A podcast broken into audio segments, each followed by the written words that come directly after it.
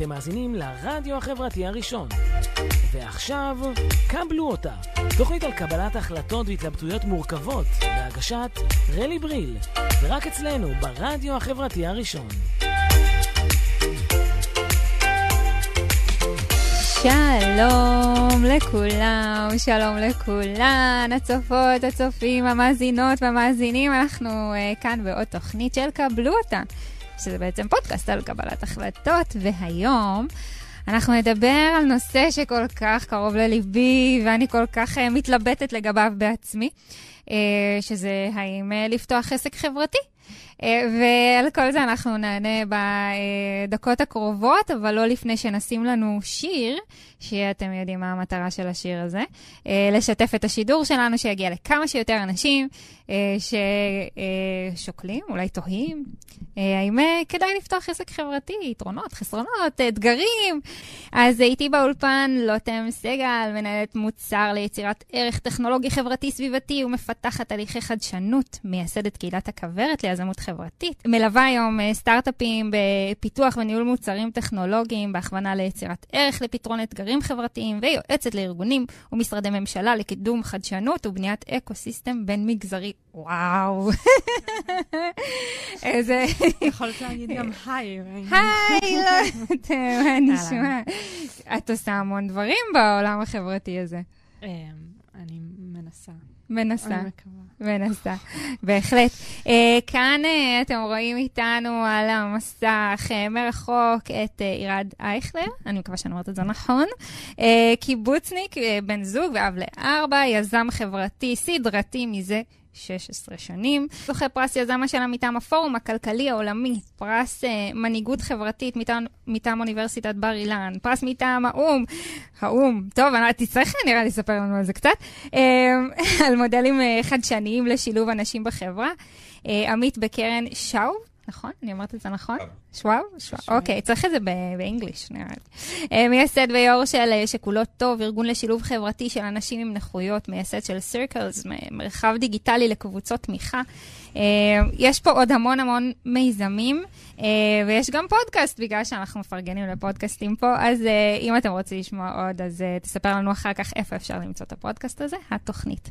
אז תקשיבו, זה, זה, זה חתיכת, יש לכם פה טייטלים משוגעים, ולא סתם הבאתי אתכם. את לוטם, אותך אני מכירה אה, כבר די הרבה זמן, מאז שאני בערך חושבת על אה, האם לפתוח עסק חברתי, האם לפתוח עמותה, האם לפתוח חל"ת, אה, כל מיני כאלה. זה נולד מתוך שיחת טלפון, ואז... לגמרי, לגמרי. פתאום אמרת לי, בואי מחרתיים. בואי, כן, נכון. ותראה, באמת, הכרתי רק כי חיפשתי כל מיני יזמים חברתיים שבאמת עשו המון המון דברים, ואני אשמח לשמוע מכם, אולי ככה כהתחלה, בואו ניתן איזושהי הגדרה לעסק חברתי. כדי ש, שבכל זאת אה, נבין מה, מה, מה קורה פה. אה, ממני את לא תוציאי הגדרה לעסק okay. אוקיי, חברתי, אני ב- לא יודעת. בגדול, בגדול. כלומר, יש, יש לנו עסק שהוא uh, לגמרי למטרות רווח, ויכול להיות שהוא עושה גם דברים טובים, אבל יש איזשהו עסק חברתי. ירד, יש איזשהו... אני אקח אותך עוד אחורה, עוד האם אנחנו אוקיי. חייבים להיות עסק? האם אנחנו חייבים להיות עסק? אוקיי, מה עוד אנחנו יכולים להיות? Um, אפשר להיות עמותה, אפשר להיות עסק. אוקיי. אפשר להיות חברה לתועלת הציבור. כן. ההגדרה המשפטית נראה לי פחות... פחות... אה, משנה כרגע. אוקיי. אבל יש, יש כמובן הבדלים, אנחנו לא נדבר על ההבדלים, אבל אנחנו כן אה, נדבר על uh, uh, כל מיני אה, יתרונות, חסרונות, אה, אתגרים שבדרך אה, בפתיחה של עסק חברתי. אה, אני רואה את זה כבאמת, אה, לפי מה שאני ראיתי בהבדל בין הדברים הזה, אם יש עמותה שהיא לגמרי אה, ללא מטרות רווח, נכון? כלומר, היא צריכה איכשהו להצדיק את עצמה, אבל כאילו היא צריכה, היא אוספת תרומות וכאלה. אה, ואותו דבר, אני, עסק חברתי יכול לקבל תרומות, אז, אז, אז נעשה רגע סדר, למרות שאני חושבת שההיבט המשפטי או ההיבט הכלכלי שמאחורי okay. אוקיי. מיזמים, אה, אולי החלק הפחות מעניין בקבלת ההחלטה, כי... כן. והרבה פעמים גם ממליצים לחכות עם זה, אם להחליט אה, מה הישות המשפטית, כי זה נורא okay. אוקיי. תלוי ב, במודל הפעלה של מה שאתה הולך לבנות. אה, אבל כדי רגע לעשות סדר, אה, אני חושבת שהדבר המעניין הוא האתגר החברתי mm-hmm. שבאים לפתור. והנקודה השנייה אולי שהיא הכי מעניינת אותי, ואני מדברת רק מנקודת המבט שלי, זה היכולת לקיים כל הזמן הערכה ומדידה של ההשפעה החברתית. Mm. Uh, מה המודל הפיננסי, מה המודל המשפטי, um, כל מיזם uh, מוצא את הדרך שלו. אחת הסיבות שכשדיברנו ושאלת אותי מי להביא, שלחתי לך ישר את, את, את, את עירד. Uh, מעבר לזה שאני חושבת שזה אחד המיזמים החברתיים, המ... זה הדוגמה שאני תמיד מביאה לפחות. Mm-hmm. Um, ואחד, מ, מ, באמת, ר... מניפת הדברים שגורמים ל, ל, לשכולו טוב לפחות להיות... Um, מודל מבחינתי זה שהם גם מקפידים לפרסם כל שנה את הדוח שלהם, mm-hmm. שמראה שבאמת הם, הם כל הזמן מודדים את ההשפעה, את הערך החברתי של מה שהם עושים. Mm-hmm. אם אני מסתכלת בכובע של אה, מוצר, כי דיברנו קצת על איך זה לפתח מוצר, ומה זה ניהול, ניהול מוצר ואיך עושים מוצר שהוא חברתי, אז למנהל מוצר תמיד יש את, ה, את הדשבורד שלו, את ה-KPIs, את היעדים שהוא צריך להשיג, והוא צריך לשאוף אליהם, והוא צריך לעמוד בהם. אה, מוצר שהוא חברתי, חייב שבליבה שלו יהיו את היעדים החברתיים. אוקיי, okay, אז בעצם מעולה. ועירד, אה, אתה רוצה לספר לנו רגע על מה שכולו טוב, ככה שמי שלא מכיר, אה, יבין מה, מה זה אומר? כן, אני אשמח לספר גם על שוקולד טוב וגם על סירקלס ברשותכם, כן. כי אני חושב שזה שתי דוגמאות אה, שמשרתות את אותה מטרה. אה, שוקולד טוב, מה שאנחנו עושים זה אנחנו בעצם משל... אה, מצמצמים את הפער שבין אנשים עם מוגבלות לשוק העבודה, דרך זה שאנחנו מכשירים אותם, ואחרי זה אה, משלבים אותם בקהילה באופן כללי, ספציפית בשוק העבודה ובתחום של פנאי. היום זה ארגון שנותן שירות ל-7,500 אנשים עם מוגבלות, משלב למעלה מ-1,500 אנשים עם מוגבלות בשנה בשוק העבודה, שזה נגיד פי שלוש ממדינת קונטיקט בארצות הברית. אה, פעיל בכל מיני תחומים, בעצם המודל שהארגון פיתח נקרא המודל המשלב, שבעצם אה, מאוד מקצר את המרחק בין בן אדם עם מוגבלות לשוק העבודה, דרך כל מיני אה, מרכזי הכשרה שהם נראים כמו עסקים, כמו מותגים כמו סיפור חוזר, כלב טוב, קפה mm-hmm. טוב, שהם בעצם, הם ללקוח או ללקוחה קצה, חווים אותם בתור עסק, או בתור בעצם אה, מקום שנותן שירות, אבל מתחת למנוע זה בעצם מרכז הכשרה שמכיר לאנשים מוגבל, עם מוגבלות להשתלב בעבודה, שבעצם, הזכרתם מדדים, אז המדד הכי משמעותי בעצם שאנחנו מודדים זה הזמן שלוקח לבן אדם להשתלב מהרגע שהוא מתחיל לקבל מאיתנו שירות עד הרגע שהוא בעצם משתלב בשוק העבודה. וואו. הצלחנו להוריד את המדד הזה משש שנים בערך, אני אומר בערך כי באותה תקופה לא, לא היה לנו יותר קשה למדוד, לשנה נקודה שלוש. זה, שזה דרמטית, כאילו... כלומר, זה... המטרה שלך היא כמה שיותר מהר שדווקא ילכו ממך. שיגיעו להכשרה, וכמה שיותר מהר שייכנסו לשוק העבודה. יש בדיחה פנימית שאנחנו אומרים לאנשים, טוב שבאתם, מתי אתם הולכים. זה ה... זה ה... אז זה, אז זה שכולו טוב, שכולו טוב מאוגדת בתור עמותה, אבל היא פועלת לגמרי בתור, אה, אה, אין לה תרומות, אין מתנדבים, הכל uh, uh, על בסיס הכנסות עצמיות והגדלת הפעילות. אז כזה, היום זה הארגון הכי גדול בתחום הזה בישראל, מעלה מ-450 עובדים, אז זה, זה כזה, זה שכולו טוב. ו, ומה שאני עובד עליו עכשיו, ב, בתקופה האחרונה, זה בעצם סטארט-אפ, שמשהו שגייס, שבוע שעבר הכרזנו על הגיוס שלנו, 8 מיליון דולר. אה, שבעצם מה שאנחנו עושים זה פותרים את הבדידות של אנשים שנמצאים באיזשהו משבר חיים. היום בעצם העולם מתמודד עם אה, אה, עלייה בדרישה למוצרי בריאות הנפש, כולנו מתמודדים עם מתח, עם לחץ. זה, זה גם נהיה יותר מדובר וגם נהיה, אנחנו יותר תחת מתח ותחת לחץ, וגם זה נהיה יותר מדובר. ושתי התופעות האלו גורמות לזה שבעצם אנשים מחפשים פתרונות, אבל כשחושבים על העולם של בריאות הנפש, בעיקר חושבים על אה, תרפיה, על, על, אה, על ללכת למטפל או מטפלת לפסיכולוג, אה, ובעצם יש חוסר מטורף של מטפלים בעולם, זו פעם אחת, ופעם שנייה זה מאוד לא נגיש.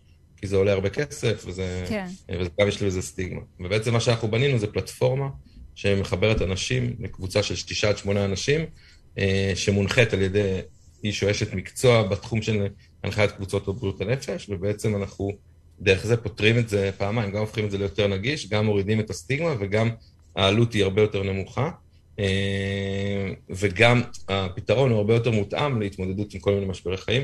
מה שחשוב להגיד, זה מאוגד בתור חברה, חברה ישראלית ואמריקאית. מי שהשקיע בחברות האלו זה קרנות הון סיכון מהשורה הראשונה ב, ב, בעולם, בעולם של הסיכון, משקיעים כמו סר רונלד כהן, גיגי לוי, זה באמת משקיעים שהם מבינים מאוד מאוד מאוד טוב את הביזנס שאנחנו בונים, מצד אחד, ומצד שני הם מאוד מחוברים גם למטרה. מדהים. וואו. אז בעצם, כלומר, סטארט-אפ לכל דבר, רק שיש בו באמת כוונות טובות, וגם פה מודדים, איך, מה מודדים בעצם? אנחנו בעצם מודדים את ה... אנחנו פיתחנו מודל שנקרא GPS, Group Belonging Score, זה בעצם מה מדעת השייכות של הבן אדם לקבוצה שהוא חלק ממנה, ואנחנו עובדים על בעצם יצירת שייכות, כי ההפך של בדידות זה שייכות. Mm-hmm. אנחנו כמובן, יש לנו המון KPIs אחרים שאנחנו מודדים, אנחנו מודדים את ה-revenue שלנו, אנחנו מודדים את ה-lifetime value, כמה זמן בן אדם נשאר על הפלטפורמה שלנו, הקאק, כמה עולה לנו להביא בן אדם. והיום זה מעל שמונה. סליחה? היום זה מעל שמונה במדד של עד עשר. נכון, עד ה-GPS. שזה מטורף, כי זה המוצר רק יצא ועוד לא התחלנו לעבוד עליו בכלל, והוא כבר כאילו, זה אומר שהתשתית שבנינו היא מאוד מאוד אפקטיבית, אבל, ומה שאנחנו רוצים ללמוד אבל זה גם, ה-GBS הוא, יש את הכללי שבאמת הוא 8.1, אבל אנחנו רוצים לראות איך לאורך זמן אנחנו מעלים אותו, זאת אומרת, בן אדם מגיע מבדידות, ואז אחרי מפגש ראשון הוא בטח יהיה 5-6, זה נתון די חדש, אז, אז אין לי עוד מספרים חזקים להציג, אבל, אבל זה... ובעצם אנחנו רוצים להגיע למצב ש, שהם מרגישים שייכים. אז זה, זה, אבל בסוף המדד, רגע, לדבר על KPI, הנורט, כאילו הכוכב הצפון של החברה, זה הקבוצות, מה שאנחנו קוראים קבוצות בריאות, שזה בהגדרה הפנימית שלנו קבוצות שבעצם 50% מהמשתתפים שלהם מגיעים לפחות פעמיים בחודש ומעלה. ש... ואז בעצם אינדיקטור לזה זה ה-GBX. אז כאילו, הכי חשוב לחברה זה הקבוצות הבריאות, והמנבא הכי טוב לקבוצות בריאות זה בעצם ה-GBS. אוקיי, מגניב. עכשיו, שניכם... אז אני חושבת שכבר נגעת בכמה נקודות לשאלה שלך, כן. של האם ל- ל- לפתוח uh, מיזם חברתי, אז כבר כן. מעצם הדוגמה של ירד, um, אז מה לא שיקול? האם אתה רוצה להיות בעמותה או בסטארט-אפ? Um, אז זה לא, לדעתי, mm-hmm. אז זה לא שיקול. כלומר, של האם זה... לעסוק בעולם החברתי. כי היום העולם החברתי כבר נמצא גם בעמותות, כן. גם בעסקים, גם בתאגידים. גם בסטארט-אפים. ואני חושבת שנתת לי נקודת מבט אחרת לגמרי. את אומרת, לבחור אם זה עמותה, או חל"צ, או עסק חברתי, או סטארט, או לא יודעת מה, זה נקודת מבט משפטית, וזהו. וכלכלית. ו- וכלכלית. Okay, וכלכלית. אז בואו נדבר רגע, כי שניכם מגיעים מהעולם הזה. ואנחנו כל תוכנית מתחילים דווקא עם כל האתגרים, וכל הדברים היותר ככה שמעלים בנו שאלות אם באמת כדאי או לא כדאי, ומי ששורד את זה, אנחנו עוברים ללמה כן ולמה זה טוב. אז מי רוצה להתחיל מניסיון... חייב. מה האתגרים בפתיחת עסק חברתי? אני רוצה רגע לחזק את מה שלוטם אמרה, בשביל כאילו לכוון יותר את התשובה. אני חושב שמה שחשוב זה מה את רוצה לפתור בעולם. זה כאילו הנקודת מוצא, מה הבעיה שאת מתחילה איתה. ואז כאילו, אם מתחילים מהבעיה, אחרי זה הרבה יותר קל, כל התשובות מסתדרות לפי, ה, לפי ה, הבעיה, וכמובן זזים, אז אני חושב שזה נקודת מוצא, ואז בעצם, אה, כאילו, השיחה יכולה להתחיל בעצם מהמקום הזה של, רגע, מה המוטיבציה הפנימית שלי, מה, מה ההזדמנות שאני מזהה בעולם, מה אני רוצה לפתור. אוקיי. אה, ו... כן. אוקיי, אז... ומה שאמרת על עמותה, שעמותה אסור לה להרוויח, זה גם משהו שמאוד חשוב לשנות קצת בתפיסה. אה, עמותה היא גוף שקם... לא למטרות רווח. זאת אומרת, כן. המטרה של ההקמה היא לא כדי שמי שהקים את העמותה ירוויח עוד ועוד ועוד, לעומת עסק שזה בסדר ולגיטימי שמי שהקים את, הכסף, את העסק ירוויח עוד ועוד. זה לא אומר שמי שמצליח להקים עמותה טובה, לא יכול להרוויח. זה פשוט לא מטרת ההקמה, לא. ויש קצת רגולציה שאומרת לכאן או לכאן כמה הוא יכול למשוך, כמה הוא יכול להרוויח, אבל, כן. um, אבל זה משהו שחשוב לומר. אוקיי. Uh, ובעסק חברתי. כמו, כמו שכולו טוב, יכולה גם להיות, שאמרת, אוקיי, עמותה זה תרומות ועסק זה זה, אבל הנה, עמותה ש... שכולה טוב, גם. לדעתי 100% אה, קיימות עצמית, נכון? מעולם לא. בוא נגיד, אני אגיד את זה, דחינו למעלה מ-16 מיליון שקל שאנשים רצו לתת, לתרום לזה. כי מה, מה ההיגיון? אז זה חשוב, זה חשוב להבין. גם מי שמנהל עמותה, גם פה אפשר לייצר מה שיש למגזר הפרטי, ואולי mm-hmm. טיפה חולה במגזר הציבורי או השלישי, כן. זה באמת שאין... אין חתירה למצוינות, כי אין... אה, כן, אוקיי. אבל גם מי שעושה עמותה מצליחה, יכול לגרום לעמותה שלו להרוויח עוד ועוד, ו- וזה גם בסדר שהוא ירוויח. אוקיי. Uh, וגם מי שמקים עסק, אגב, יכול לא להרוויח בכלל, ואפילו נכון. להפסיד מלא כסף, נכון. אז זה נכון. חשוב. אבל הוא לא יכול לקבל זה. תרומות, אז למה מלכתחילה, נגיד, אני מנסה לדלות מפה אה, אה, נקודות, כי אתה אומר, רצו לתרום לנו ו- ולא לא הסכמנו. למה? כלומר, מה ההיגיון שעומד מאחורי זה? יש לזה, זה מניפסט שלם, אני אעשה אוקיי. רגע, תמצית הדברים ואני...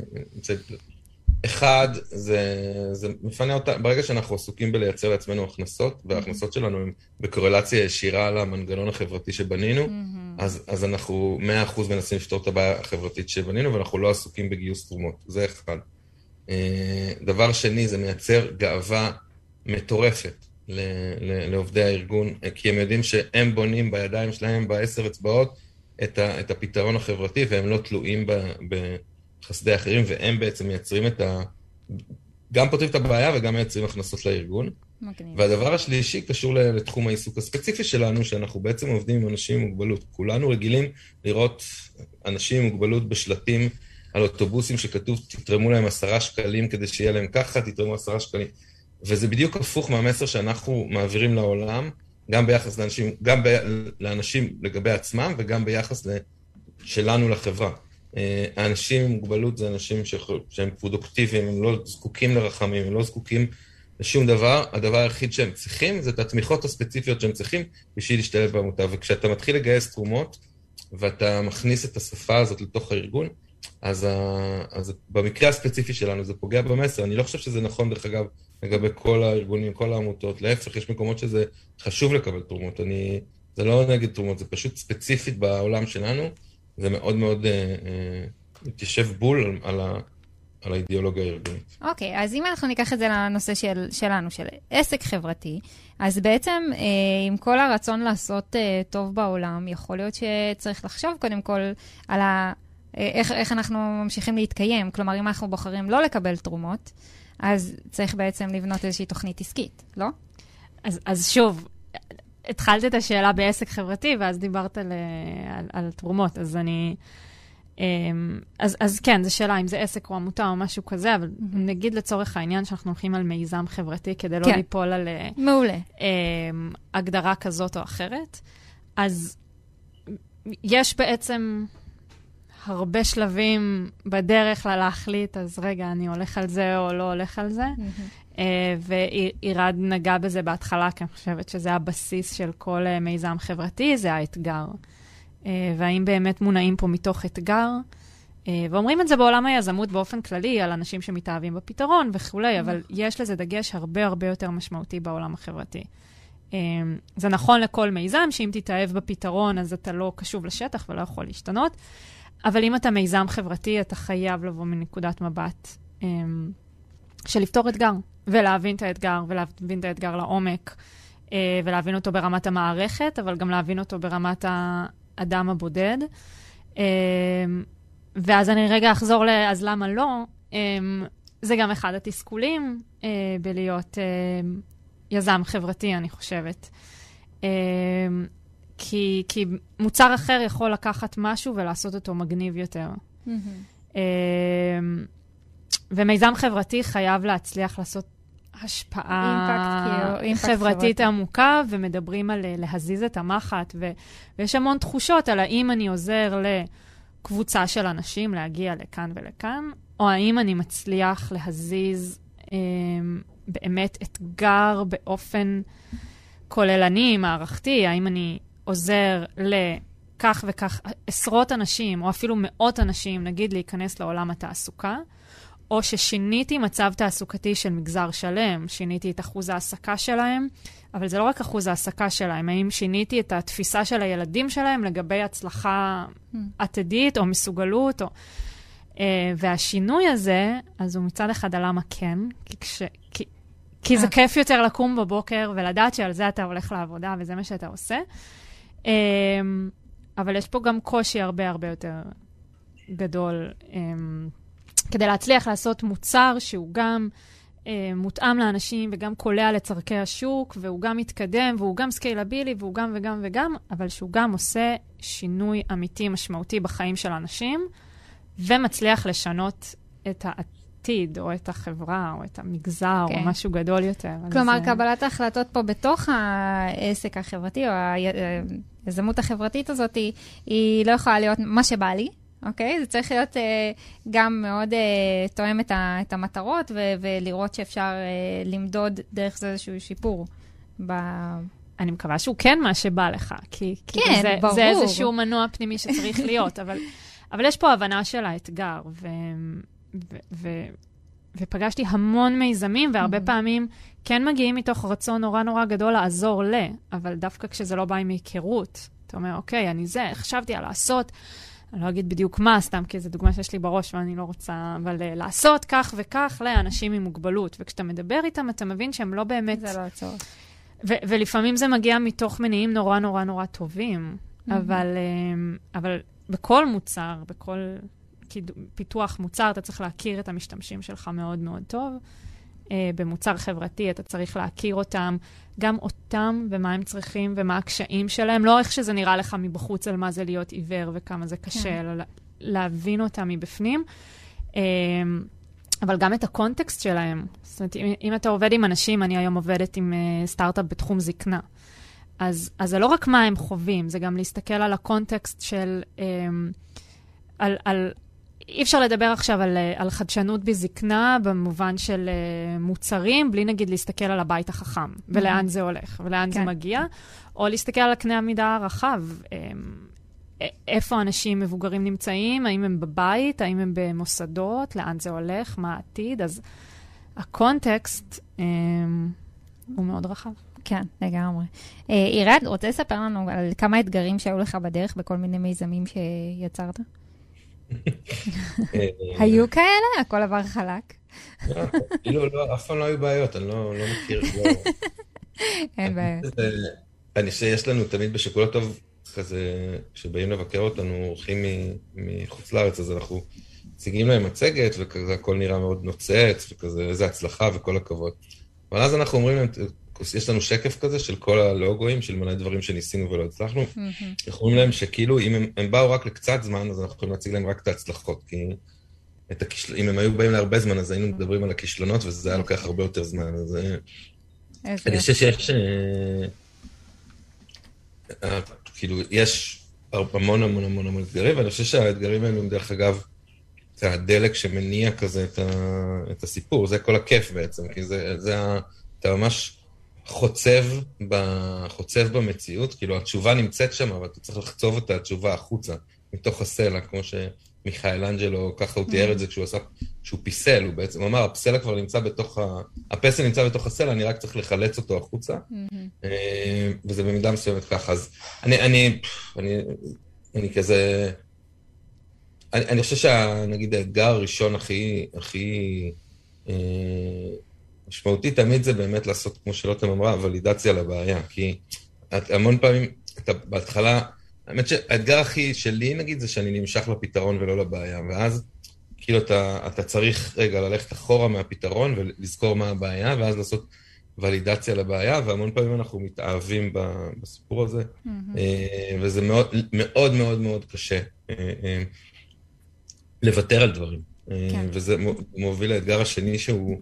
אני, אני יכול גם, אני, אני יכול לתת דוגמאות כדי שזה יהיה יותר מוחשי, אבל העניין של, של היכולת להתמקד, כאילו היכולת לוותר על דברים שאתה חושב שהם, שיכול להיות שצריך לעשות אותם, אבל כאילו, אבל, אבל זה לא נכון לעשות אותם עכשיו, לדוגמה, נגיד בסירקל זה אחד הדברים שכזה אנחנו אה, כל הזמן נוגעים בו וחוזרים ומבינים שכל פעם שאנחנו נוגעים בו זה מוקדם מדי, זה כל העולם של מוצר שהוא מוצר יותר touch, כי המוצר שלנו הוא touch, זה שעה בשבוע שאנשים מקדישים למוצר, זו דרישה, זו דרישה מאוד גבוהה מבן אדם.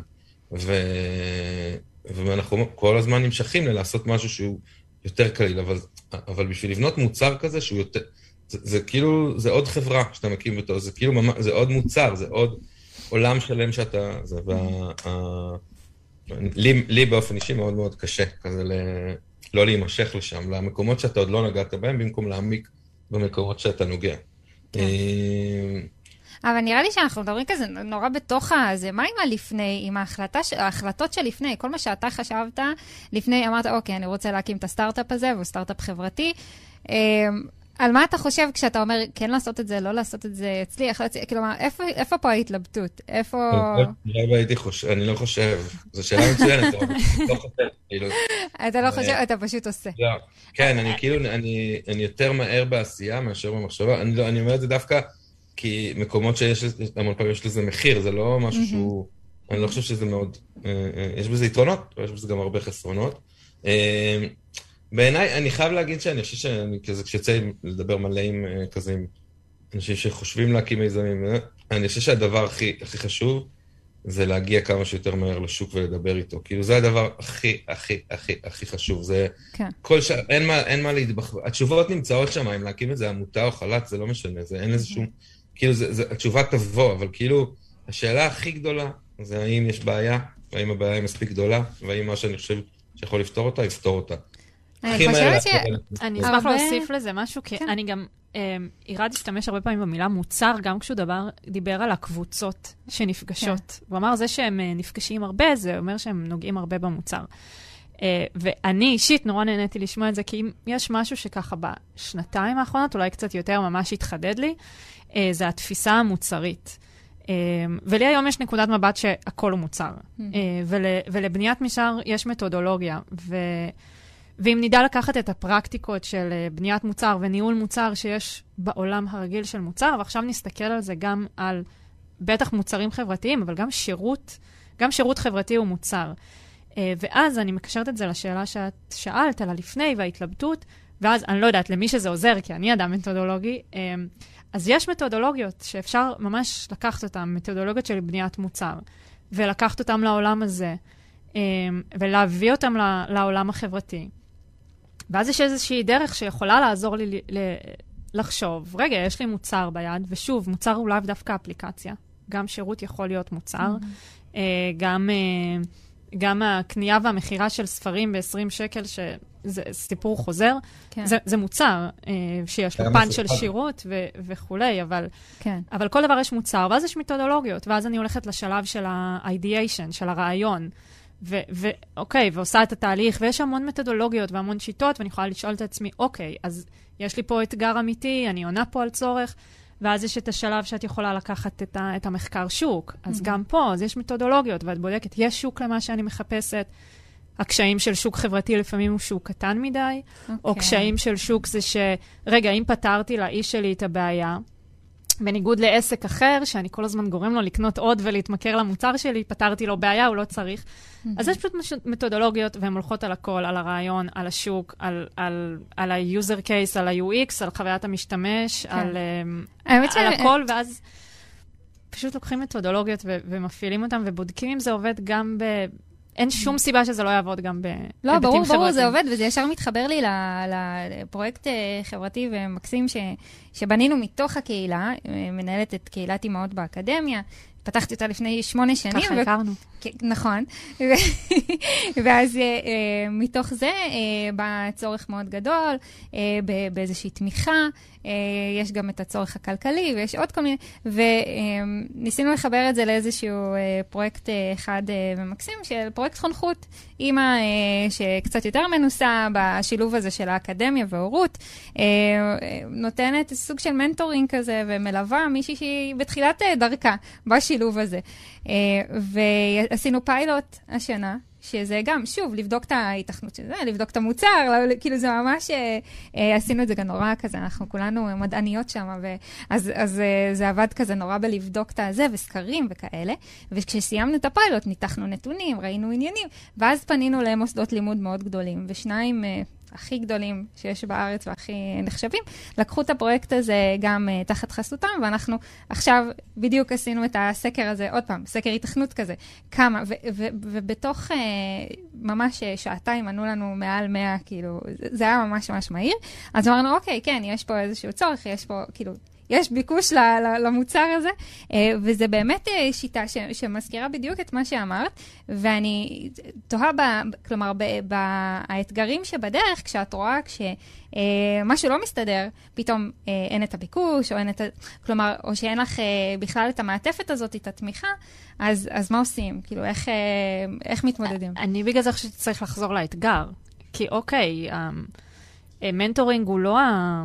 הוא לא האתגר, הוא פתרון. פתרון. ואם מגלים בדרך שמנטורינג זה לא השיטה, חוזרים חזרה לאתגר. רגע, מה האתגר שלנו? ש- שמה? אני, אני לא יודעת, אבל...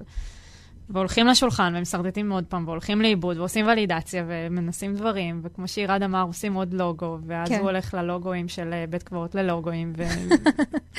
כן. מגניב. אה, אז אה, בגדול האתגרים, נגיד, אנחנו נתקלנו באתגר שהוא מאוד מאוד uh, גדול, וזה היה האתגר הכלכלי.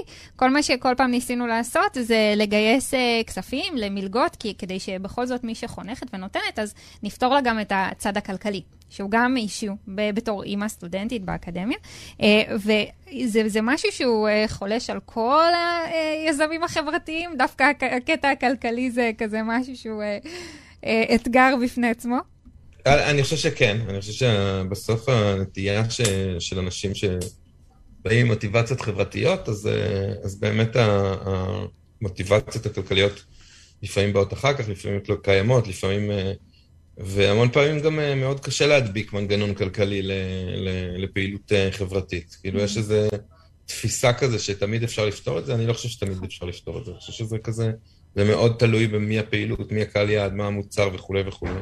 אה, וגם לפעמים, אה, כמו שאמרתי, זה נכון שלא יהיה מנגנון כלכלי. כאילו, זה נכון שדברים יעשו... אני חי בקיבוץ, כאילו, זה, זה, זה בעצם, זה קבוצה של, של... זה הולך ומשתנה, אבל בגדול הרעיון הוא שאתה עושה ככל יכולתך, וזו קבוצה של אנשים שמתנדבים, פעילים למען הקהילה. אז כאילו, אני, אני חושב שלא בכל מקום צריך גם כלכלי, אני כן, אני כן, אני חושב שזו בעיה גורפת, אני חושב שבסוף, אה, אם רוצים לייצר, יש מקומות שאם רוצים לייצר מנגנון שהוא ססטנבילי, שהוא בר קיימא, ושהוא גם סקלבילי, שאפשר לגדול ולפתור לאורך זמן, אה, אז, אז, אז חייבים להדביק מנגנון כלכלי. לפעמים אין פתרון לחידה הזאת, ולפעמים יש... אה, כן. okay. אוקיי. ופה נכנס, כן, נורא מקובל היום לדבר על, אה, כן, על שכל מיזם צריך לייצר את ההכנסות של עצמו, נכון. ולהיות זה, ו... ואתם יודעים, אני מרגישה שאני קצת דעת מיעוט שאומרת, רגע, גם לפילנטרופיה יש תפקיד, ותפקיד חשוב. ולמגזר הציבורי, שהיום אני גם עובדת איתו, יש תפקיד ותפקיד חשוב. Mm-hmm. שוב, לעולם של מוצרים, לא לכל דבר יש כשל שוק, לא כל דבר הוא, היי, רגע, יש פה uh, ערימת מטבעות שמחכה שמישהו ירים אותה, וזה גם עושה ערך חברתי. כן. זה לא קורה בכל דבר. אוקיי. Okay. Uh, אבל כן צריך להבין שגם העולם הפילנטרופי השתנה, ואם דיברנו על ה-KPIs והדוחות וה- והמתודולוגיות האלה, זה משרת גם מנוע כלכלי שהוא על תרומות, זה גם משרת אותו. גם הפילנטרופיה היום מחפשת לראות חדשנות, מחפשת לראות שעל כל שקל שהיא שמה, לעומת משקיע, אוקיי, אז היא לא רוצה לראות שעל כל שקל חוזרים עליה שלושה שקלים. אבל היא רוצה לראות שעל כל שקל שהיא שמה, משהו קרה. משהו. מה קרה? מה זז? ובגלל זה מאוד חשוב, מה שמבחינתי הדגשתי בהתחלה, שזה לא משנה אם זה עסק או עמותה, אבל אם יש פה mm-hmm. אה, הבנה של אתגר ושיח מתמיד עם משתמשים, והתאמה למשתמשים, וניהול של אה, יעדים והערכה ומדידה, אז זה מתאים גם למנגנון הכלכלי של, אה, של פילנטרופיה, שהיום הוא קשה יותר.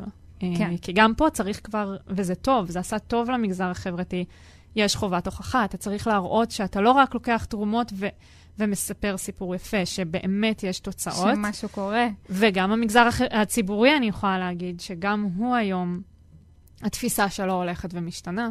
ל, ל, לשילוב כוחות האלה, שבסופו של דבר, אם יש מגזר שיש לו גם תשתית וגם כסף, מדינות מנהלות כספים במיליארדים, ובסופו של דבר, מדינה היא, אם, אם הרבה מיזמים באים ואומרים לי, יזמים, אין, משקיעים, אין אימפקט פרסט, מדינה היא אימפקט פרסט, בגדול. היא אמורה לעשות דברים של רווחה, של כלכלה, של תעסוקה, של בריאות, בשביל זה היא שם, ויש לה את הכספים לעשות את זה. והיום, אה, בטח בעולם וגם בישראל, יש אה, צעידה לקראת זה. אה, מבינים את זה שיש, שצריך להיות שילוב אה, בין מגזרים, שגם המדינה מכניסה יותר מיזמים פנימה ויותר חדשנות, וגם יודעת לתת יותר החוצה ולעורר כן. אקו-סיסטם ולתת אה, מענקים ותמריצים ו- וצמיחה. אה, עכשיו... בסוף, כדי לפתור אתגרים חברתיים, צריך את כל המגזרים. צריך את כולם. אז זהו, אז עולות לי, עולים לי שני אתגרים, אה, כלומר, אחד זה גיוס. של, ה, של הכספים, לא משנה מה אנחנו צריכים לדעת, זה אחד, זה, זה איזשהו אתגר שאני מניחה שאם אנחנו נשווה סטארט-אפ אה, טכנולוגי אה, שיש לו איזושהי זה, אז אולי משקיע, משקיעים ירצו להשקיע יותר מסטארט-אפ חברתי, שכן, אז הוא אולי מרוויח, לא יודעת, זה לא השיקול העיקרי שלו, השיקול הכלכלי, אז אנחנו נרוויח פחות, אבל אנחנו מרגיש שאנחנו עושים יותר טוב בעולם? כאילו, אז אה, נתקלתם בכאלה התלבטויות? אני מניחה שעירד יודעה לדבר יותר טוב על גיוס, אבל אני רק אגיד, גם מי נשתנה לך הכל, לא טוב, מיזם חברתי. אבל א', יש גם תחומים, שוב, בגלל זה צריך להבדיל. אה, השוק, אה, שוק הזקנה, מה שנקרא, ב-2018 הוא ערך לדעתי ב-65 ביליון דולר בארצות הברית. זאת אומרת, אז א', אוקיי. גם יש מקומות, כמו שעירד דיבר על יותר העולמות של well-being, אה, של רווחת הפרט, אז א', גם יש עולמות שיש בהם שוק, שוק התעסוקה, הפריון, mm-hmm. פריון התעסוקתי. יש עולמות שגם יש שוק או כשל שוק, שיכול לבוא מיזם וגם לפתור כשל שוק, גם לעשות כסף okay. אוקיי. וגם לעשות טוב. ויש תחומים שבהם הם, הם יותר תחומי רווחה, וכן mm-hmm. יצטרכו בסוף uh, תחומים אחרים, אבל נראה לי שעל uh, גיוס uh, פרופר uh, ירעדו ה... המומחה. הרגע סיים סיבוב, אז... אבל הגדרת את זה, אני חושב, בצורה מאוד מדויקת. אני חושב שבסוף יש כסף שונה שמחפש מטרות שונות. כאילו, יש כסף פילנטרופי שמחפש אימפקט חברתי, נגיד בקלאסיקה, ויש כסף שהוא כסף עסקי שמחפש תשואה על הכסף שלו. זה כזה, נגיד, החלוקה הגסה, וזה גם, כשתסתכלת על הישויות המשפטיות שהזכרנו קודם, אז זה אותו דבר, כאילו יש עמותות חל"ת זה אותו דבר, או, או חברה שהמטרה שלה זה להשיא רווח ל, ל, בעלי המניות, אז, mm-hmm. ובהתאמה גם הכסף, כאילו זה כזה, יש הלימה. זה שיש, ו, ואז מתחת לזה יש את תחומי הפעילות, ואפשר בתוך, כאילו בתוך, נגיד, או עמותה או חברה, לצקת פעילות שהיא פעילות שמשיגה מטרות חברתיות. בעמותה אי אפשר לצקת מטרות עסקיות, זה לא עובד, אבל... אה, אה, אז כאילו, אז, אז אני חושב ש... ואני חושב שלגייס כסף, את סוג הכסף לגייס, זה כבר לא קשור בכלל למטרה, כי אמרנו שהכסף לחפש, אלא זה קשור למצוינות וקשור למה שעושים בעצם, זה קשור ל... גם, גם לגייס כסף לסטארט-אפים, mm-hmm. זה לא דבר קל, כאילו זה לא משהו שכזה, למרות שעכשיו נגיד יש הרבה כסף בשוק והרבה אנשים מחפשים להשקיע והרבה קרנות, עדיין זה לא, זה לא שכל מי שנכנס בדלת מקבל כסף, זה ממש לא עובד ככה, הם כזה... זה אנשים סופר חכמים, סופר ממוקדים, שיודעים מה הם עושים, והם מחפשים להשקיע באנשים מקצוענים, כאילו, ואותו דבר, דרך אגב, כסף פילנטרופי, הוא, זה אנשים מוכשרים, חכמים, שמחפשים לעשות השפעה, מחפשים אנשים שיש להם תוכנית טובה. דרך אגב, זה לא, אף, אף אחד מהמשקיעים האלו לא מחפש ודאות בהצלחה, הוא מחפש תוכנית טובה שיש לה סבירות גבוהה להצליח. זה כאילו, אף אחד, זה, זה, זה המודל, כי המודל זה, כשאתה מגייס כסף, אתה בא עם תוכנית והתוכ... ומוציא את התוכנית לפועל. זה, ככה זה עובד. אתה צריך שהתוכנית תהיה ממש טובה, שחשבת עליה מספיק, שהיא מאוד מאוד יסודית, היא מאוד מאוד uh, מחוברת למציאות, אבל היא תוכנית עתידית, היא אף פעם לא תוכנית, תוכנית עבר, היא תמיד תוכנית עתיד. ומה שעולה עוד, ואם דיברת על שיקולים של... אז דיברנו על המוצר, אם הוא טוב, אם הוא זה, כן. וזה. אמ, צוות. וואו, אמ, צוות. צוות. אמ, היום משקיעים, פחות משקיעים באנשים שהם אה, אדם יחיד, ושוב, אני שמה את הדגש החברתי. אה, א', מעבר לאמירה שבזה, אה, שבגיוון, שבצוות, שהוא walk the talk, ותהיה גם, תוודא שהצוות איתך, במיזם חברתי יש אקסטרה חשיבות לזה שהצוות יהיה מגוון, בגלל שגם באמת צריך אה, פרקטיקות שונות. שונות. אתה צריך את הטכנולוג, אתה צריך את הטכנולוג, ואתה צריך את המעצב, כי אתה צריך את המעצב, אבל, אבל אתה צריך גם את האנשים עם הפן המקצועי, החברתי, ש, ש, שיודעים את המקצוע. אתה צריך את הגרנטולוגים, אתה בתחום זקנה, או את הפסיכולוגים, אתה בתחום אחר, ולבוא עם צוות, אחד השיקולים של לדעת אם אני הולך על זה לא, א', כי זה טוב שיש מאחוריך, איתך, לידך, צוות שעוזר לך לקדם. אבל זה גם משמעותי גם למשקיעים וגם למיזם עצמו כדי להצליח ולהיות מחובר למשתמשים. צוות מכל התחומים, מגדרים, זהויות, okay, אוקיי, מקצועיות. כמה שיותר מגוון. uh, מה לגבי זמן? מרגישים ש... כלומר, יש, בוא נגיד, היזמים החברתיים, בואו ניקח את זה שוב פעם על הצד הכלכלי, זה לא תמיד כלכלי להיות יזם חברתי, אוקיי? אנחנו לא... זה לא תמיד, אבל זה חשוב להדגיש, זה לא תמיד... אה, גם יזמים אחרים זה כמה? 95, 99 אחוז כישלון? זה לא ש... נכון, נכון. אז אנחנו פה מתמקדים בחברתי. פה זה כאילו, אני מרגישה שזה אפילו כפול, כי גם אף אחד לא מרוויח לך, אה, מבטיח לך איזשהו אקזיט מטורף, כי אנחנו פה באים לעסק חברתי. אז יש פה איזשהו, זה לא ש... אז היזמים, אוקיי, אולי כשלו בדרך, אבל אם יצליחו, הם יכולים להצליח, אקזיטים. מיסים וכספים והכול.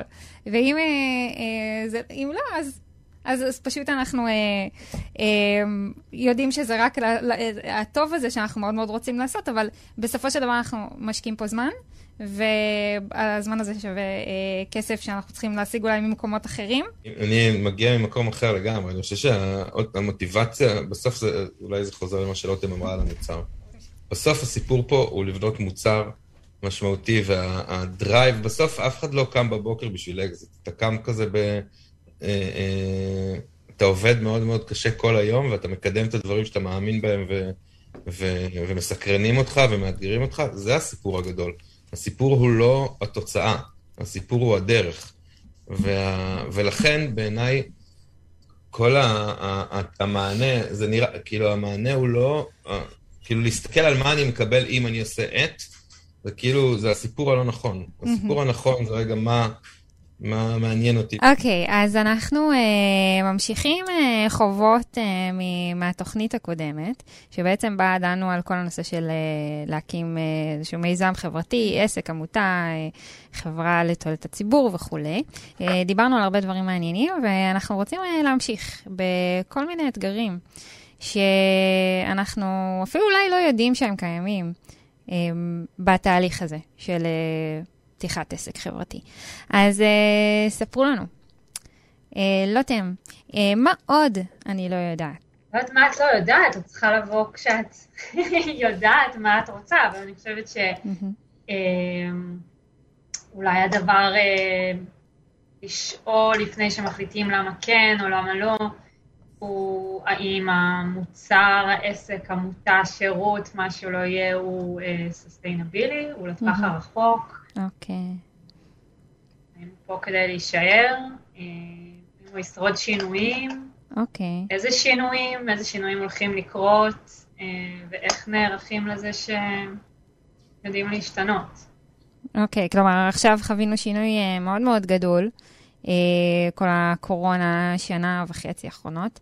אה, ירד זה השפיע על איכשהו על, ה, על העסק חברתי, על המיזם, על, ה, על הסטארט-אפ?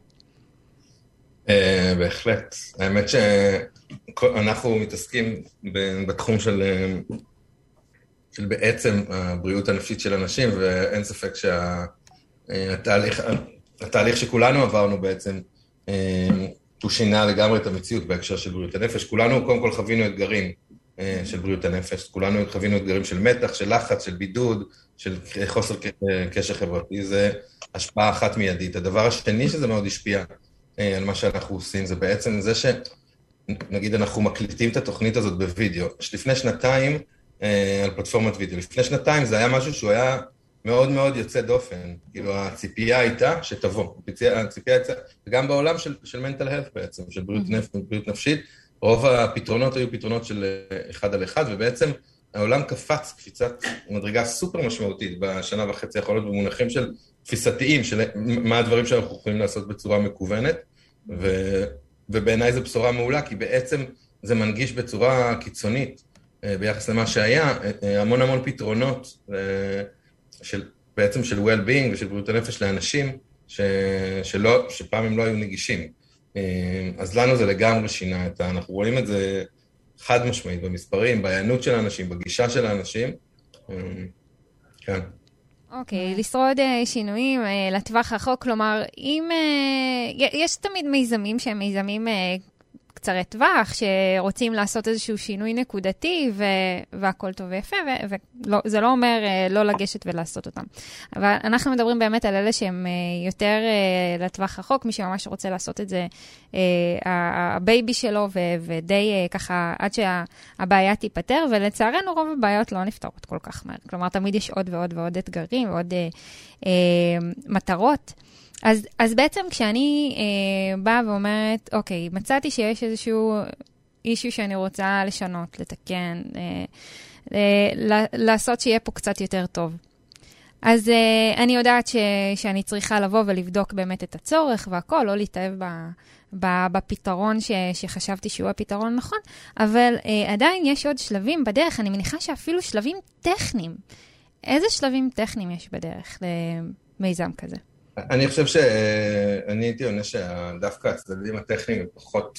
לא הייתי ניגש לצדדים הטכניים בכלל בהתחלה, בעיניי יש הרבה, דרך מאוד מאוד משמעותית לעבור לפני שמגיעים לצדדים טכניים. כשטכני מדובר נגיד רישום, לא משנה, הישות המשפטית שרוצים להפעיל דרכה את המיזם, ואפילו לקבל כסף. כאילו לא הייתי ממהר לעשות שום דבר מהדברים האלו, לפני שהייתי מקבל איזושהי ולידציה מהשוק ומהמשתמשים ומה... אקו-סיסטם שאני בכלל בכיוון הנכון. נכון. אז דווקא הדבר הטכני הכי טוב שאפשר לעשות זה לא לעשות שום דבר טכני. כי הדברים הטכניים, הכי קל להיגרר לדברים הטכניים, זה הכי... למה זה הכי קל? כי כאילו, יש פה, זה מסודר, הכל ברור, כאילו, לפתוח חברה, יש דרך לפתוח חברה. אז אני אעשה את זה, זה ברור. Mm. אבל זה דברים שלא מקדמים בשום צורה, או מקצרים את הטווח בשום צורה.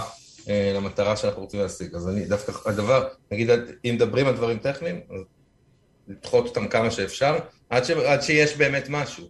כל עוד אין כלום, הצדדים הטכניים רק הם ניצול לא נכון של הזמן בעיניי.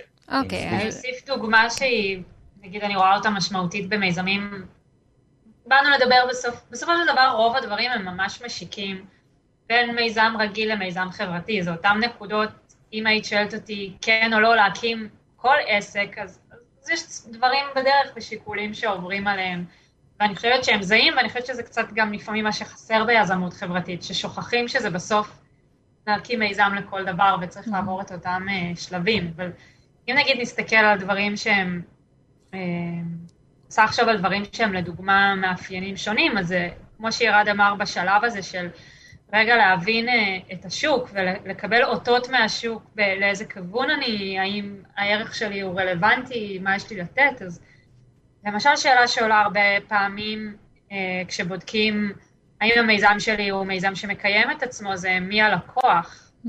ובעסק רגיל, אה, שוב, גם לפה יש לכאן ולכאן, אבל בדרך כלל היחס הוא יותר פשוט, יש לי את הלקוח, ואם אם נתתי לו ערך הוא יקנה, ואם לא נתתי לו ערך הוא לא יקנה. ובמיזמים חברתיים הרבה פעמים הלקוח, ומה שאנחנו קוראים לו בעולם החברתי המוטב, זה שאנחנו מטיבים עמו ועושים לו טוב, אה, הוא לאו דווקא הלקוח המשלם הרבה פעמים. Mm-hmm.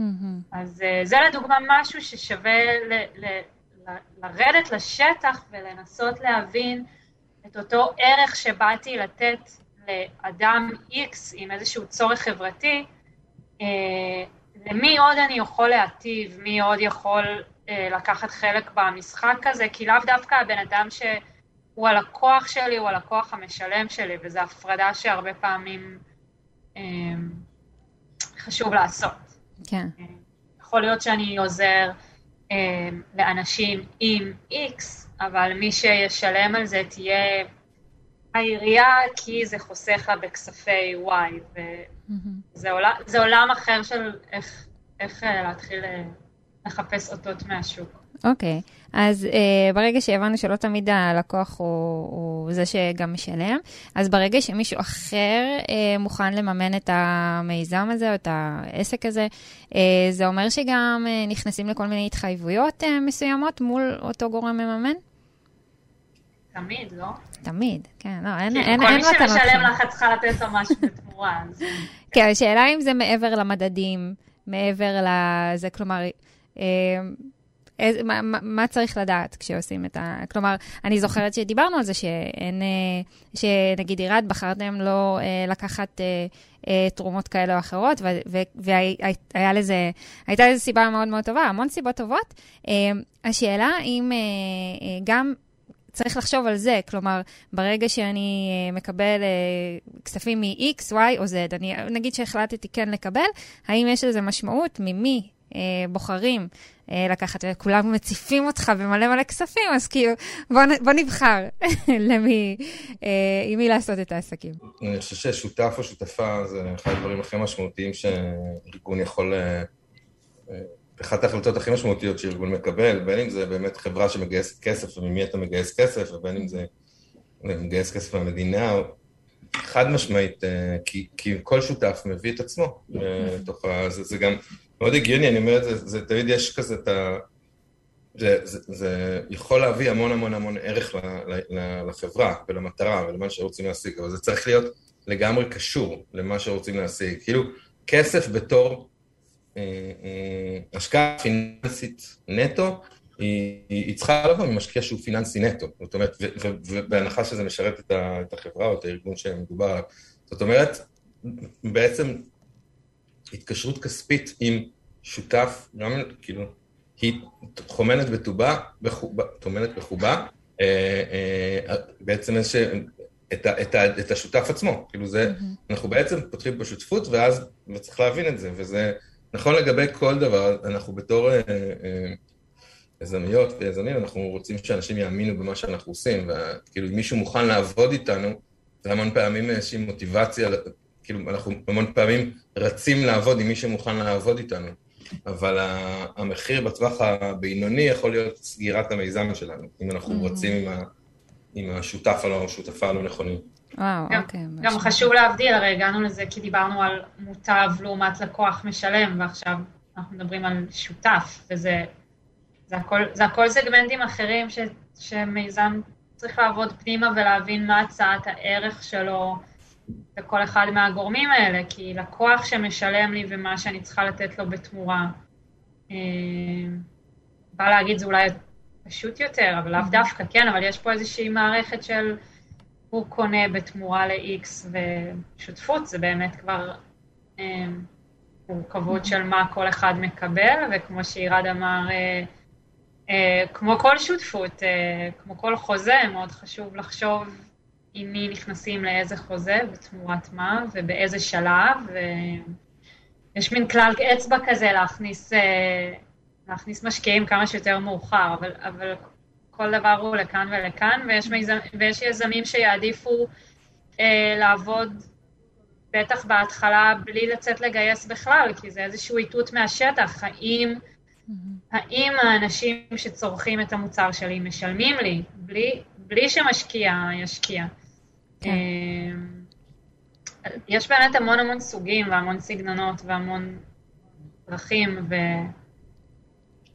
כאילו, כאילו השאלה שלך מנסה למצוא מה הדרך, מה ה playbook כשמתחילים, אבל בסוף יש הרבה, הרבה סוגים והרבה דרכים. ברור, וגם לא כל דבר מתאים לכל אחד וכל מיזם, זה, זה בטוח שזה שונה, אבל כן צריך לקחת בחשבון שצריך לחשוב גם על זה לפני. כלומר, יכול להיות שזה בשלב באמת יותר מאוחר, אבל עדיין זה איזשהו אה, שיקול בתוך שיקול. כלומר, אחרי שהחלטנו, אוקיי, הולכים על זה, אז צריך לדעת גם, אה, גם את זה. כלומר, גם אה, ש, שזה לא אה, רק שאם מישהו בא אה, לשפוך עליך כסף, אתה צריך לדעת שהוא בעצם השותף שלך. אה, לדרך הזאת. אז זה מאוד מאוד חשוב. ואם כבר שותפים, אז איזה עוד שותפים, חוץ מנגיד גורמים מממנים, אה, בן אדם שהחליט, אוקיי, יש פה בעיה, אה, עכשיו צריך לגייס לעצמו בעצם את הצוות. מה חשוב שיהיה בצוות כזה? איזה אנשים, איזה כישורים? מישהו שיבין גם בצד העסקי, מישהו שיבין גם בצד החברתי. ויש עוד ממש אנשי מקצוע, כלומר, שמלווים וכאלה, שצריך לדעת שצריך להיות איתם בקשר. אם זה בעניינים פיננסיים או עניינים משפטיים, או כלומר, מי אנחנו צריכים לצידנו בתהליך הזה? אה, יש כזה את הבסיס הזה, רואה חשבון, רואת חשבון, ועורך או עורך דין. זה כזה הבסיס, אבל גם בהתחלה זה בווליום כל כך נמוך, כאילו שברגע שיש חשבון צריך מישהו שיראה את החשבון. ברגע שיש יש התאגדות, אז צריך עורכי דין, אבל זה גם, זה כזה ממש ב... בהתחלה, אבל אני חושב ש... עוד פעם זה כזה, הצדדים הטכניים הם מאוד מאוד מאוד פשוטים בסופו של דבר. יש דרך, עושים את הדרך, זה נפתר. בעיניי הפער הכי גדול בשוק, זה בעצם שכולם רצים לטכני, ואף אחד לא, כאילו, מעט מאוד האנשים שרצים לבדוק את המוצר שלהם, את השוק, את, ה, את ההיתכנות שלו, את הגודל שוק, את, ה, את, את האלטרנטיבה הנכונה מבחינת... אה, אה, אה, כאילו, איך לצאת לשוק, ואני חושב שזה ה... כאילו, זה, זה ה, בעצם הדברים שצריך להתרכז בהם. אה, וזה גם ה passion של, אני, אני מקווה שזה ה passion של האנשים שמקימים את המיזמים, בעצם לפתור את הבעיות שרוצים לפתור. דיברנו, נראה לי, פעם שעברה על כן. להתרכז בבעיה ולא בפתרון. נכון. ו- יש, יש אנשי מקצוע לכל, לכל שאתה, שאלה שתעלה, השאלה אם באמת מתי צריך וכמה צריך, ולפעמים זה חבר יכול לענות על שאלה, ולפעמים... טוב, נשים סכום כסף מסוים ולתת לאיש מקצוע, אבל יש את הדברים שאף איש מקצוע לא ידע לענות לך, אלא רק השטח, ואני חושבת שזה הדברים שירד לדבר, הדברים שצריך ללכלך את הידיים במרכאות, ולרדת לשטח ולבדוק אותם ולראות מה קורה, כי לאף אחד אין תשובה, וצריך לדעת מה המשתמשים רוצים, מה, מה המוטבים אה, מה מטיב עמם, אה, מי מוכן לשלם על כמה, אה, איזה קבוצה תעבוד איך. כן. אה, וזה דברים שאף איש מקצוע לא ידע להגיד, ואני נזהרת מאנשי מקצוע ש... שאומרים. אומרים לך שתמורת תשלום כזה וכזה הם ידעו לעשות את זה עבורך, כי זה בסוף, זה מה שבאת לעשות, זה המיזם שבאת להרים, אז... לגמרי. אז uh, מה אתם אומרים, נלך קצת על הכיוונים uh, של מתוך ההתנסות שלכם האישית ומתוך ההתנסות עם uh, עזרה למיזמים אחרים. אז אנחנו יודעים למה כן uh, מקימים עסקים חברתיים, כי רוצים לפתור איזושהי בעיה, כי יש איזשהו משהו ש, ש, שמלהיב אותנו ואנחנו רוצים ש, שישתנה או, ש, או שישתפר והכול. אבל מה עוד אפשר לקחת מזה? איזה עוד דברים חיוביים אוספים בדרך?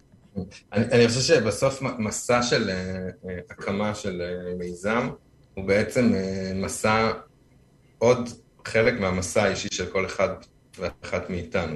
ובעיניי הדבר, בשבילי, הדבר הכי חשוב במסע כזה זה השינ... לא, השינוי וההזדמנות האישית שאני יכול לעבור בתור uh, בן אדם. כאילו איך אני בתור בן אדם ניגש ל... ל... להקים את מה שאני מקים, ואיזה, בעצם, מה בי מגדיל את הסיכוי להצליח, ומה בי מקטין את הסיכוי להצליח, ו...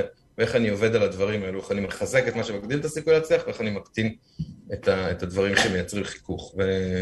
ובשבילי זה החלק הכי מרתק בהקמה של, של מיזמים, במיוחד כאילו ש...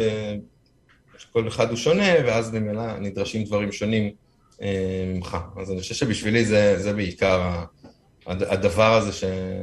שהוא מרתק במסע. מהמם. אז זה אומר, גם אתה מתפתח תוך כדי המסע הזה של, ה, אה, של העסק החברתי או המיזם החברתי. בוא נגיד ככה, אני בן אדם אחר לגמרי ממי שדיברתי איתו לפני כמה שבועות שדיברנו פעם שעברה. מה השתנה? תספר, שתף אותנו אם בא לך. וואו. אה, קודם כל השתנה זה שאני לא זוכר מי הייתי אז, אני יכול להגיד לך מי אני עכשיו. אוקיי. אה, אבל אני חושב שנגיד מה שהשתנה זה שהשתנה לי הצוות, אה, שאני עובד איתו, לא מאה אחוז, אבל כאילו התחלתי לעבוד עם אנשים אחרים, ואז אה, אה, דורש ממני דברים אחרים ממה שהיה עד עכשיו. אז זה, זה שינוי מאוד גדול. אנשים שעם הרבה יותר ניסיון וכזה, מביאים הרבה, הרבה דברים אחרים לשולחן, ואני צריך כזה ל... להיות משמעותי בשביל להביא להם ערך, שזה כאילו אתגר חדש. לא, כן, מדהים. אז אה, אתה אומר, זה גם uh, התפתחות uh, אישית מול התפתחות של העסק עצמו. לצד. מדהים. לא אתם? וואי, כל כך הרבה. קודם כל אני אגיד שזה ממש היום, אני לא יודעת מי ישמע את זה מתי, אבל אנחנו היום מדברים במה שנקרא אחרי החגים, שזה mm-hmm. בדיוק היום שאחרי חופש מאוד מאוד ארוך לאנשים, וכזה לא נעים לי לומר שאני כזה ממש שמחה, ש... כאילו אין לי שמיזות יום א', וכיף לי להתיישב לעבוד, ויש היום יום סופר עמוס, כי כולם פתאום נזכרו בדברים שהם עד עכשיו לא... שדחו לאחרי לא החגים. לא ולא דחו ולא זה, ויש יום סופר עמוס, וכיף לי עם זה שזה עמוס. אמ, ובימי, שוב, זה אני וגם אמ, תנאי החיים שבחיי כרגע, אבל כזה גם בימי החג, כל פעם התלבטתי אולי לעבוד קצת, וזה לא מתוך להיות וורקוהוליק, זה כי, כי בא לך לעשות את זה, כי כיף לך לעשות mm-hmm. את זה, כי אתה רואה ערך בלעשות את זה. אה, ואני חושבת שזה הדבר, לא יודעת, הכי משמעותי, שלעומת... אה, בעצם יש לך עוד ערך ללמה אתה עובד. שהוא לא רק עבור משכורת, שגם פה חשוב להגיד, אה, קריאה נרגשת שיזמות חברתית לא אמורה להיות במקום משכורת, או, mm-hmm. או לא משכורת, או לא להרוויח, זה דיון אחר, אבל חשוב להזכיר אותו לפעמים, שאין yeah. כן. סיבה שמישהו עושה עשייה חברתית לא גם יוערך אה, כלכלית לגבי זה. ויש על זה דיונים, אה, כלומר, זה, זה קיים כל הזמן. כל הזמן, כל אני... הזמן אפילו בסלון, בשולחן נכון. האוכל, אצלי במשפחה יש לזה דיונים כל ש... הזמן. כן. אה, אבל, אבל זה לא הדגש שרציתי להגיד, זה, זה עצם זה שאתה הולך לעבוד לא רק כדי להשתכר ולקנות מה שאתה צריך לחייך, אלא באמת יש לך משימה שאתה רוצה לעשות אותה.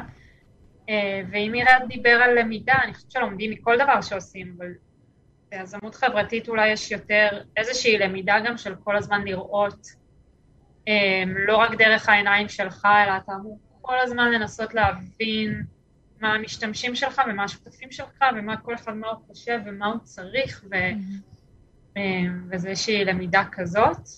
כן. אמ, וחשיבה עיצובית כזאת שמתחדדת כל הזמן, כי אתה לא חושב על מה שאתה עושה. אני חושבת שהרבה אנשים, יש להם מקצוע מסוים והם חושבים על מה הם צריכים לעשות, על ה-to-do list שברשימת משימות שלהם, אה, אני חושבת כשאתה יזם חברתי, אתה יותר צריך כל הזמן למצוא פתרונות, אבל מתוך הבנה של אתגרים. כל הזמן יש לך אתגר, ואתה צריך להבין טוב יותר את האתגר ולחשוב יצירתית מה לעשות איתו, וזה לפחות החלק שאני מאוד אוהבת.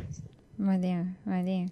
אמ, יש, אה, יש עוד דברים טובים בהקמת אה, מיזם חברתי? עוד למה, למה בכל זאת, כלומר, אחרי כל, כל האתגרים שדיברנו ואחרי כל מה שאמרנו, עוד משהו ש, שבאמת יכול לעזור לאנשים להבין אם באמת אה, שווה להם, כלומר, את המאמץ הזה. כי, כי אמרת כזה, אה, ברור, זה לא במקום משכורת, אבל לא לכולם זה נורא ברור. יש כאלה שיודעים שהם יצטרכו את הכמה חודשים הקרובים, אולי את השנה הקרובה, אה, לשרוד מחסכונות או מהלוואות או משהו כזה, כדי להרים את הדבר הזה שהם כל כל כך רוצים. כלומר, זה לא תמיד uh, מגיע ישר uh, על ההתחלה עם... זה, uh... זה נכון לכל מיזם. Mm-hmm. נכון. גם, גם אם תקימי מסעדה, את צריכה לקחת בחשבון שבהתחלה זה השקעה, ולכן החשיבה המאוד משמעותית היא לשאול את עצמי, האם יש לי פה מוצר או שירות שהוא סוסטיינבילי, שהוא יכול לשרוד שינויים, שהוא נותן ערך משמעותי, שהוא פותר אתגר חברתי, אה, ואם כן, אז, ואם לא, אז. אז זה פשוט ל... ל אני, אני, אני מכירה המון אנשים שהלכו ועשו דברים אה, למרות הכל, וזה אה, זה פשוט הדבר הזה שממלא אותך, ובאמת יש drive פנימי שלא משנה מה, פשוט רוצים אה, לעשות את זה, וזה כיף במיוחד. עוד אה, סיפורים מעניינים שקרו במהלך המיזמים החברתיים, אה, עירד? אני, אני רוצה לענות על השאלה הקודמת, אני חושב כן. שלמה להקים אה, מיזם חברתי? כי את חלק מהחבר'ה הטובים. כאילו, בדיוק מה שהתלבטתי אם להגיד. התלבטתי אם להגיד, כי פוגשים מלא אנשים טובים בדרך. מבחינת הנטוורק במרכאות, אתה פשוט פוגש אנשים שהם אנשי חזון, וזה כיף. איזה כיף, זו בהחלט סיבה. אבל סליחה, ירד, קטעתי אותך. לא, זה לגמרי בול, זה מה שרציתי להגיד. אה, כן, לגמרי. זה גם להרגיש חלק מהחבר'ה הטובים וגם אה, להכיר המון אנשים אה, טובים, שזה באמת אחלה, אחלה סיבה, כי זה... זה... לא טובים בקטע של bad guys ו-good guys, אלא ברור. באמת, כל מי שאתה עובד איתו זה... זה אנשים שיש להם איזשהו, איזושהי תשוקה לעשות משהו ולעשות משהו חיובי, ואני חושבת שאז גם, אולי אני טועה, אבל לפחות מה שאני מרגישה זה מאופיין בעזרה ובפתיחות. כן. אנשים של אנשים גם הרבה פעמים, אה, למרות שיש, אני מניחה, המון עסקים חברתיים, שהם מתמקדים ב, בסביבה, בבעלי חיים, אה, בעוד כל מיני גורמים, אבל עדיין זה תמיד עם אנשים שרוצים לעזור לסביבה, לבעלי חיים, לילדים, כלומר, זה תמיד אה, סביב אנשים עם, אותו, עם אותה מטרה, שיהיה פה מקום יותר טוב לחיות בו. כן. איזה כיף. אה, אז אה, מה הייתם מאחלים אה, לכל החבר'ה שרוצים ככה להתחיל עם המיזם החברתי שלהם? אני הייתי מפרסם את נייק עכשיו ואומר, just do it. just יאללה. do it. אז תעשו את זה. אוי, לגמרי. just do it. עכשיו שאתם יודעים גם מה זה כרוך, ושהדגשנו כל כך את הנושא הזה של אה, לבוא ולבדוק את השטח קודם כל, אז אחרי שבדקתם את השטח, ראיתם שיש את הצורך, אה, ושבאמת אה, הדבר הזה יכול לעמוד בפני עצמו גם. אז just do it נשמע לי אחלה סלוגן. לא טוב? אני, אני לא יודעת, לא נעים לי, אני רוצה להיות הסקפטית ולהוסיף את הסוגריים, just not to do it. אמ, אולי זה כי, ב, אולי זה כי בתפקיד, אני חושבת שעירד ואני מגיעים ממקומות קצת שונים. אמ, אמ, אני מלווה יזמים באופן אה, רוחבי, נקרא לזה ככה, או, או מערכתי הרבה פעמים. אז אני, אני, אני רואה המון המון מיזמים שהם מובילים מובלים על ידי אנשים מדהימים ומלאי מוטיבציה ורצון לשנות, אבל, אבל זה לפעמים קצת מעוור ו, ורואים, שוב, אני לא רוצה להגיד שזה סיגמנט של יזמות חברתית, צריך לזכור שאני לא זוכרת מה האחוזים, זה 90 ו... 90 ולא יודעת, חמישה אחוז מהמיזמים באופן כללי נכשלים, אז צריך לזכור mm-hmm. שזה גם בחברתי, ולפעמים יש תחושות בטן מאוד כזה, איך אני רוצה לשנות, אבל אני לא ב-just do it, אני בכזה, רגע, צריך... אה, כי, כי בסוף זה, זה אולי, לא יודעת, אולי כואב יותר כשבאים עם תשוקה מאוד גדולה ותשוקה חברתית, וצריך לא לשכוח להסתכל על כל... דיברנו קודם שאני אסתכל על דברים כמוצר, צריך להסתכל על מוצר כמוצר, ואמרתי קודם נגיד איזה שאלות לשאול, אבל... אז כמו, ש, כמו שאתה לא פותח אה, אה, חנות ברגע שעולה לך מחשבה על בא לי שתהיה לי חנות לקנה כתיבה, אתה לא ישר פותח אותה. אתה חושב, מברר אם צריך, אם כדאי, אה, השוק צריך, אם אני יכול לעמוד בזה כלכלית. Mm-hmm. אותו דבר ב... באמת שאין הרבה הפרדה בין יזמות חברתית ליזמות רגילה, אני חושבת. שאלות חשובות שצריך לשאול לפני. וגם הייתי אומרת שלא כל אדם עם ראייה חברתית צריך לפתוח מיזם חברתי, יש כל כך הרבה מה לעשות. אני חושבת שגם אדם שעובד עכשיו הוא שכיר בחברה, יש כל כך הרבה מה לעשות, כי זה עניין של ראייה חברתית, ואפשר להתחיל בקטן ולעשות פרויקט בתוך החברה שאתה נמצא בה, אפשר כזה כל פעם להיות זה שבמשפט קטן בישיבת צוות אומר משהו, לנסות לקחת את החברה שאתה כבר עובד בה לאיזשהו כיוון. מגניב. אה, של עשייה חברתית, ולא הייתי, לא, אני לא חושבת שכולם צריכים לפתוח אה, מיזמים אה, חברתיים. אני כן חושבת שכל תאגיד, זה כבר נושא אחר, אבל הלוואי שכל תאגיד שקיים היה מוצא מה הקור, מה הליבה החברתית שלו ומקדם אותה, אז... אה, לגמרי. זה, זו הקריאה לשכירים בינינו, אל תתפטרו ותקימו מיזם חברתי. כן, תראו איך אפשר לעשות את זה מבפנים. מהמם, מהמם. טוב, אז, אה, אז בואו נסכם ככה גם אה, דברים שנאמרו אה, קודם וגם אה, עכשיו. אז, אז קודם כל, אה, דיברנו על מה שצריך לדעת, על, ה, על הדברים שבדרך, אז קודם כל אמרנו באמת לזקק את, ה, את הצורך אה, ולבדוק את השטח. אה, צריך אה, אה, להגיע כמה שיותר מהר אה, לשוק ולהכיר אותו. צריך להשתמש במתודולוגיות, ולא רק uh, לפי התחושה הפנימית שלי של כן, בוא נעשה את זה, ובאמת לבוא ולראות איך אנחנו גם מודדים את, ה, את ההצלחה הזאת, uh, את האימפקט החברתי. Uh, יש uh, כמובן אתגר כל, כלכלי שדיברנו עליו, uh, שצריך לקחת בחשבון, שכמו כל uh, מיזם, אז uh, צריך לראות uh, איך אנחנו... Uh, מתקיימים, גם מבחינת אנחנו כבן אדם פרטי שרוצה להקים משהו, וגם כעסק חברתי. אה, איך אנחנו מייצרים אה, מנגנון כלכלי שכזה, אם אנחנו מקבלים אה, תרומות, אם כן, אז לראות מה הישות המשפטית המתאימה לעניין הזה. אם אנחנו מייצרים איזשהו עסק שהוא מכניס ויש לו רווחים, איך אנחנו באמת עושים ודואגים שזה יימשך גם לטווח הרחוק. להבין שחייב, חייב, חייב להשקיע בצוות שאיתנו, אה, שיהיה עם כמה שיותר אה, אה, תחומים שהם אולי קצת רחוקים ממה שאנחנו מכירים, כדי שיהיה גם מזה וגם מזה וגם מזה. השותפים שאיתנו צריכים להיות שותפים טובים. בכל זאת, אנחנו נבלה איתם את כל, ה, את כל התהליך הזה, גם מבחינת הצוות וגם מבחינת מי שהולך לממן אותנו, אם זה משקיעים, אם זה המדינה שמשקיעה בנו או, או, או כל אחד אחר. אה, להבין שזה גם אה, כמו כל אה, קשר, ושכולם באמת נמצאים לאותה, לאותה מטרה. אנחנו uh, צריכים לזכור שזה באמת uh, uh, משהו שצריך להיות לטווח הרחוק, אז uh, לבדוק אם זה גם ישרוד שינויים, לראות באמת את כל הצד הטכני של uh, רישום הישות המשפטית שרוצים להשתייך אליה, ולראות uh, uh, מה עובד, לראות כמובן מי הלקוח, ולא בטוח שהלקוח גם זה מי שישלם. ו... ולדאוג לכל הדברים ככה, לפיצ'יפקה שאמרנו שהם בכלל, בכלל, אה, אה, צריך להתעסק איתם כמה שפחות, אה, ו... ולהתקדם לעבר המטרה ובאמת להכיר את השוק הזה, ככה כל הדברים שדיברנו ב... במובן הזה.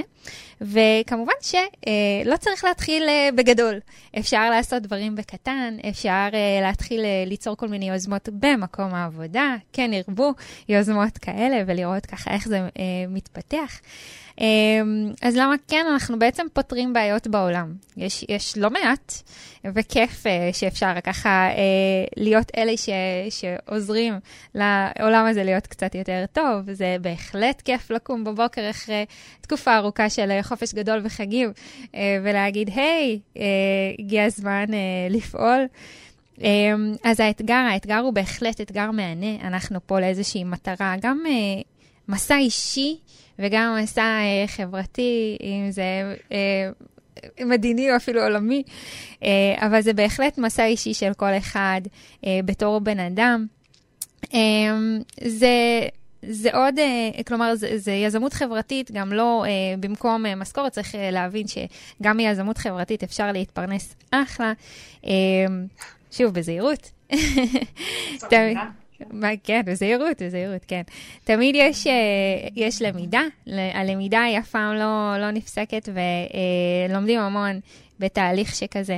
אה, לזכור שאנחנו פה חלק אה, מהחבר'ה הטובים, ושאנחנו פוגשים על חבר'ה טובים כמוני שרוצים לבוא ולשנות את העולם ולעשות שיהיה פה הרבה הרבה יותר טוב. אני חושבת שבגדול אפשר להגיד שאנחנו מגשימים חלומות לעצמנו וגם לכל הסובבים שלנו. וזו תחושה שפשוט אי אפשר להתחרות איתה. לעשות טוב הזה שהוא מצד אחד כל כך uh, חברתי, ומצד שני כל כך אגואיסטי, וכמה טוב שיהיו כאלה uh, אגואיסטים שכאלה שיבואו ויעשו טוב לעצמם על ידי uh, עשיית טוב לאחרים ולסביבה. ואני רוצה להודות לכם, איזה כיף שאתם פה, איזה כיף שהגעתם ושיתפתם בסיפורים ובכל מה שלמדתם במהלך הדרך. מקווה שעוד תלמדו עוד המון, ורק דברים טובים. שכל המיזמים יפרחו ויצליחו, ואני רוצה לאחל לכם ולכל היזמות והיזמים אה, המון בהצלחה עם המיזמים שלכם. לא לוותר, ותראו, תמיד יש אנשים טובים בדרך שיבואו ויעזרו לכם. אל תהססו לפנות. אז תודה רבה לכם. תודה רבה. בכיף. שיהיה אה, אחלה אה, חזרה לשגרה, ואנחנו אה, נתראה בתוכנית הבאה. ביי בינתיים. ביי. כיף שהאזנתם לקבלו אותה. פודקאסט על קבלת החלטות בהגשת ריילי בריל. שידור ישיר בכל חמישי בשעה שמונה בערב, כאן אצלנו ברדיו החברתי הראשון. אהבתם את הפרק? שתפו עם חברות וחברים. מתלבטים בנושא מורכב? ריילי תשמח לעזור. ועד הפרק הבא, קבלו אותה.